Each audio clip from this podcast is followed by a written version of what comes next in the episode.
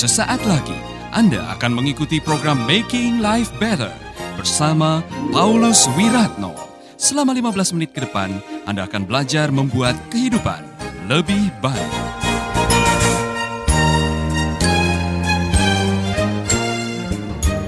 Salam untuk semua sahabat pendengar radio jaringan Dian Mandiri dari Papua sampai Mentawai yang sedang mendengarkan Making Life Better live streaming dan saudara-saudara yang sedang menonton lewat live streaming Facebook page.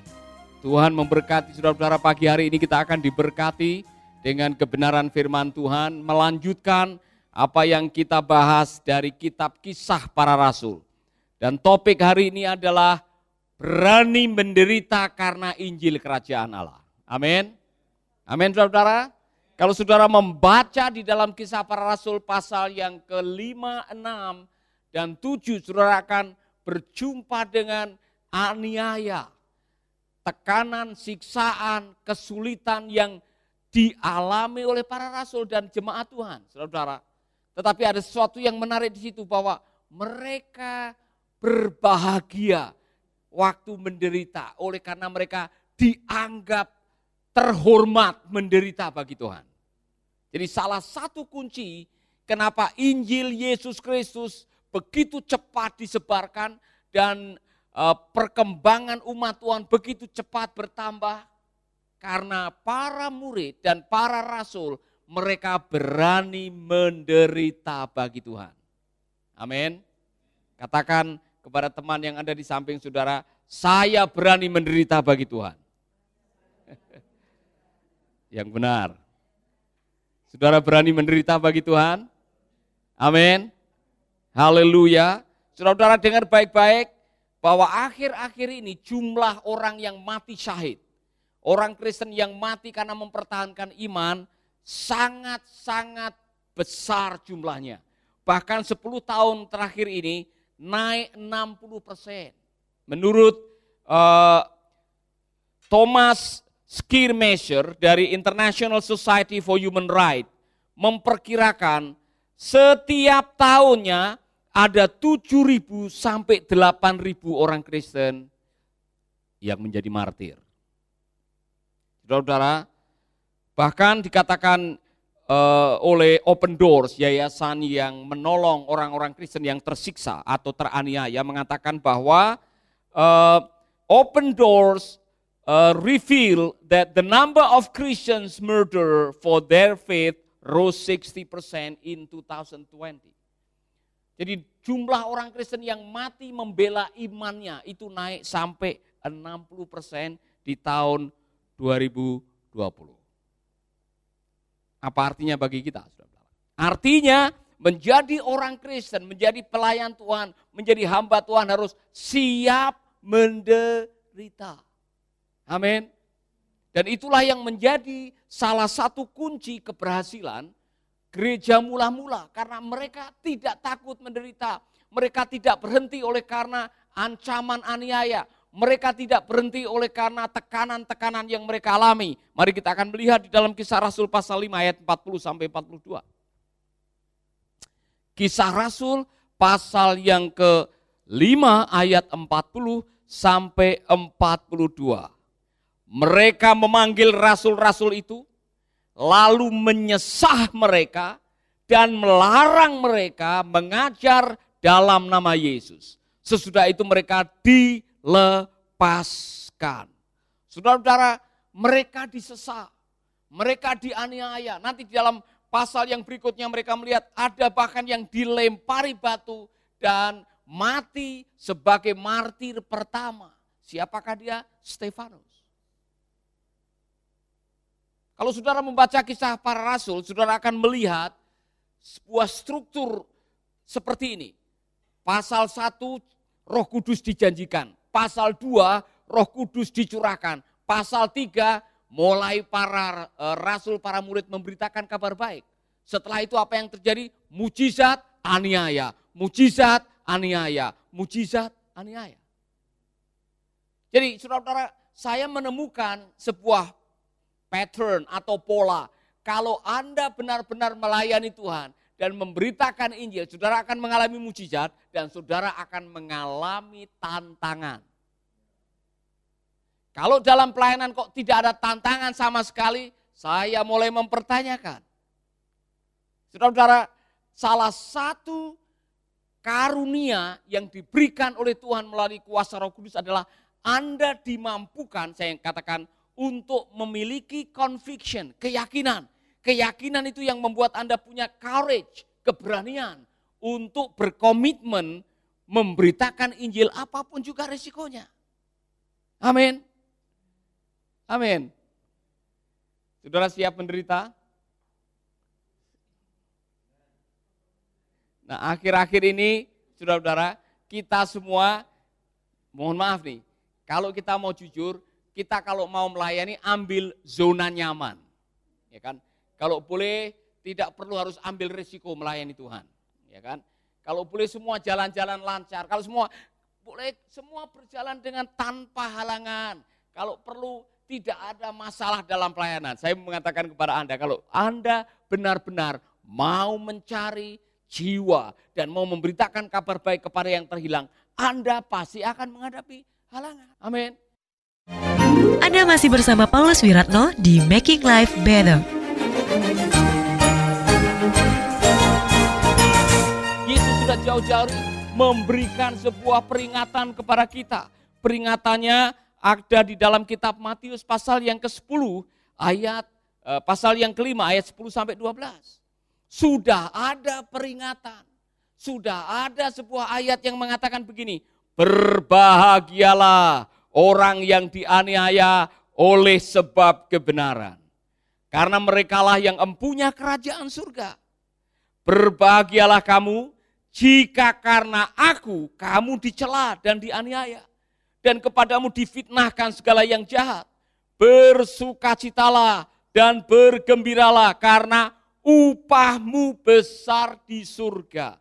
Sebab demikian juga telah dianiaya nabi-nabi yang sebelum kamu. Saya memberikan kata-kata dorongan untuk saudara-saudara di 10 negara. Ada 10 negara yang paling banyak terjadi aniaya. Salah satunya adalah Korea Utara dan negara-negara yang lain yang anti kekristenan, anti Yesus, anti Injil. Hampir setiap hari ada aniaya dan ada pembunuhan. Saya memberikan salut, rasa hormat dan penghargaan kepada orang-orang yang telah menjadi martir bagi Injil Yesus Kristus. Kami memberikan penghargaan setinggi-tingginya oleh karena Anda telah menjadi orang yang rela membela iman dan mengorbankan nyawa saudara dan ayat ini digenapi buat Anda. Berbahagialah orang yang dianiaya oleh sebab kebenaran. Karena merekalah yang empunya kerajaan surga. Berbahagialah kamu jika karena aku kamu dicela dan dianiaya dan kepadamu difitnahkan segala yang jahat. Bersukacitalah dan bergembiralah karena upahmu besar di surga, sebab demikian juga telah dianiaya nabi-nabi sebelum kamu. Jadi apa yang dikatakan oleh Tuhan Yesus? Kalau engkau dianiaya karena kebenaran, kalau engkau harus menjadi martir oleh karena Injil Yesus Kristus, kalau engkau dianiaya oleh karena engkau menjadi orang percaya, engkau mungkin dipojokkan, dizolimin, direndahkan, bahkan disisihkan oleh karena imanmu kepada Yesus Kristus. Berbahagialah Berbahagialah saudara-saudara di Indonesia yang mungkin engkau sedang menghadapi tantangan iman. Di beberapa tempat engkau sulit beribadah. Di beberapa tempat engkau sulit mendirikan tempat ibadah. Di beberapa tempat engkau dipersulit. Gara-gara imanmu kepada Yesus Kristus, saya mengatakan berbahagialah. Semua mengucapkan itu. Satu, dua, tiga. Amin. Sikap kita terhadap aniaya karena kebenaran menentukan bagaimana kita mengakhiri perjalanan iman kita, perjalanan pelayanan kita. Makanya kalau saya pergi ke desa-desa, melihat para hamba Tuhan yang susah tapi masih tetap setia. Mereka hidup serba terbatas tapi masih memberitakan kabar baik dengan semangat, dengan senyum. Saya salut kepada mereka. Saya salut kepada Pak John Kause. Saya salut kepada Bapak Otniel Saya salut kepada saudara semua yang melayani di Amanuban Selatan atau di uh, Timur Tengah Selatan, di Sumba. Saya tahu Anda mengalami kesulitan. Tetapi oleh karena ada sukacita karena komitmen untuk berani berkorban bagi Injil Yesus Kristus. Upahmu besar di surga. Amin. Karena sikap itulah yang membuat para murid pada akhirnya bertahan menghadapi kesulitan. Mari kita akan melihat apakah itu dimiliki oleh para murid, dimiliki oleh para murid. Kita lanjutkan pembacaan tadi. Kisah Rasul pasal 5 ayat 40 dan selanjutnya. Rasul-rasul itu setelah disesah ya, setelah uh, dianiaya, rasul-rasul itu, perhatikan baik-baik. Rasul-rasul itu meninggalkan sidang mahkamah agama dengan gembira. Karena mereka telah dianggap layak menderita penghinaan oleh karena nama Yesus.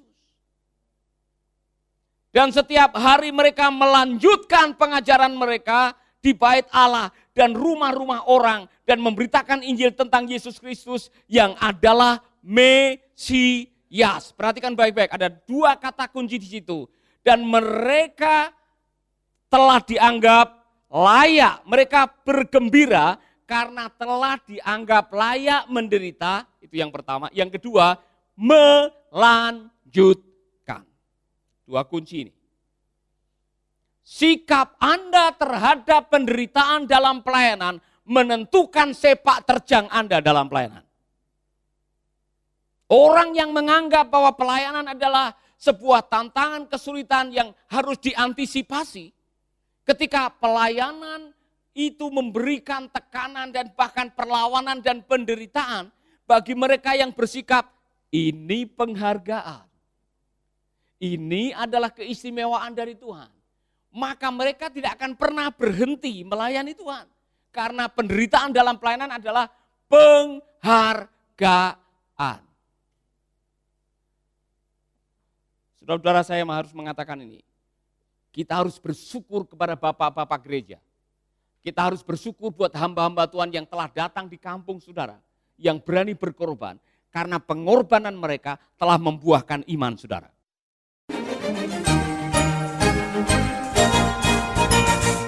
Sahabat, Anda baru saja mendengarkan Making Life Better bersama Paulus Wiratno.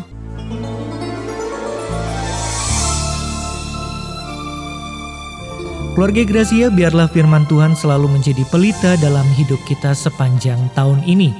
Dengarkan selalu radio Suara Gracia di 95,9 FM, streaming di suaragratiafm.com streaming atau dengan aplikasi Android Radio Suara Gratia yang tersedia di Play Store. Jika Anda diberkati oleh siaran suara Gracia FM dan mengalami kuasa mujizat Tuhan, mari menjadi berkat dengan mengirimkan kesaksian ke WhatsApp Radio Suara Gracia FM di 0817 222959. Biarlah melalui kesaksian Anda, banyak jiwa dikuatkan dan dibangkitkan kembali imannya. Tuhan memberkati.